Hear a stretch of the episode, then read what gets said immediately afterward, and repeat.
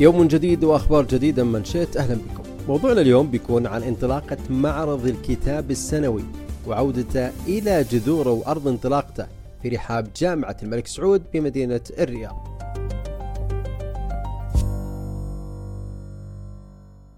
اليوم تنطلق رحلة ثقافية معرفية منتظرة تحمل في طياتها الملايين من عناوين الكتب والمؤلفات في نسخة جديدة من معرض الكتاب الدولي اللي يفتح أبوابه من جديد تحت شعار وجهة ملهمة. المعرض ينطلق هالمرة من جذوره وأرض انطلاقته الأولى من رحاب جامعة الملك سعود اللي احتضنت أول معرض دولي يقام على مستوى البلاد في عام 1976 ميلادي.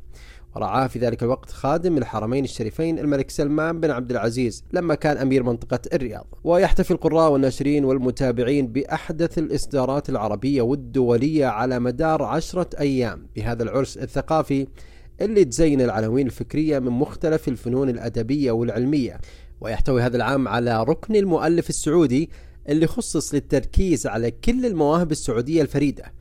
بالإضافة إلى ورش عمل نوعية بتغطي كل المجالات بما فيها صناعة الكتب وبتنطلق في هذا المعرض أيضا فعاليات ثقافية ومحاضرات تفاعلية.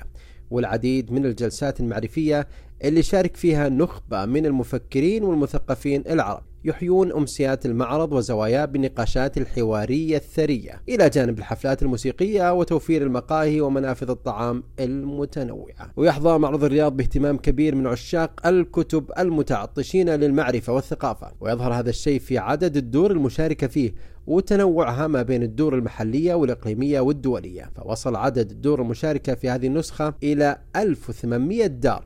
بالإضافة لعدد الزوار وحجم المبيعات وتنوع البرامج والفعاليات المقامة في كل نسخة. سلطنة عمان تحل ضيف شرف لهذا العام حيث تتمثل مشاركتها في جناح بقلب المعرض يحتضن كتب ومخطوطات وتمثيل لمكونات ثقافتها الوطنية. وبحضور عدد من رموز ثقافتها ودور نشر تستعرض آخر الإصدارات والعناوين. وفي منشات استضفنا الكاتبة الدكتورة شيمة الشمري وسألناها عن أهمية معرض الكتاب في المشهد الثقافي السعودي والعربي.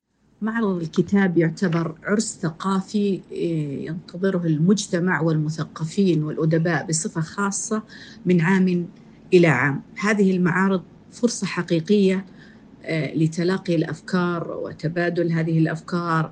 العالم العربي بخاصة آه، يحفل كثيرا بهذه المعارض التي يشارك فيها أهم الكتاب والمثقفين العرب بالإضافة إلى أهم دور النشر ومؤسسات الإنتاج الثقافي.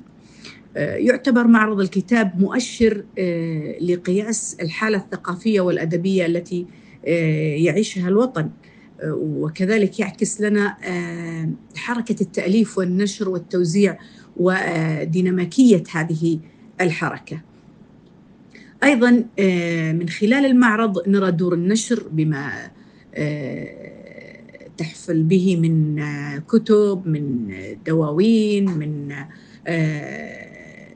منصات توقيع لقاء المثقفين بعضهم ببعض لقائهم بالجمهور آه، أيضا اقتناء الكتب نشر الثقافة التبادل ما بين المؤلف وجمهوره من خلال منصات التوقيع ومن خلال اللقاءات من خلال الندوات الثقافية التي آه، تعطي آه، حيوية لمعرض الكتاب والتي دائما ما تكون مصاحبة لمعرض الكتاب الدولي بالرياض.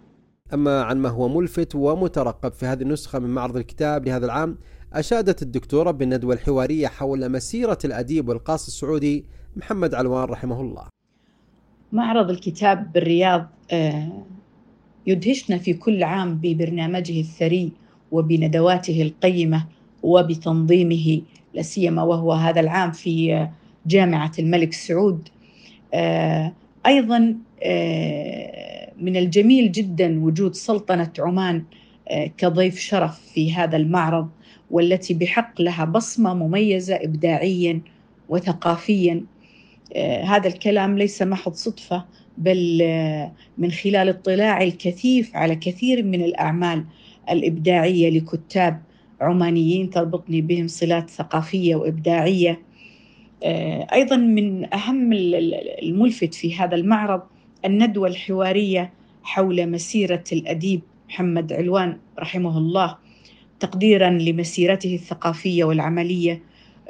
فيها يسلط الضوء على حياته سماته ثقافته إبداعه بصمته التي ترك وهو من أعلام القصة ومن أوائل ورواد كتاب القصة القصيرة في المملكة العربية السعودية. في كل عام معرض الكتاب الدولي بالرياض مدهش ومتميز.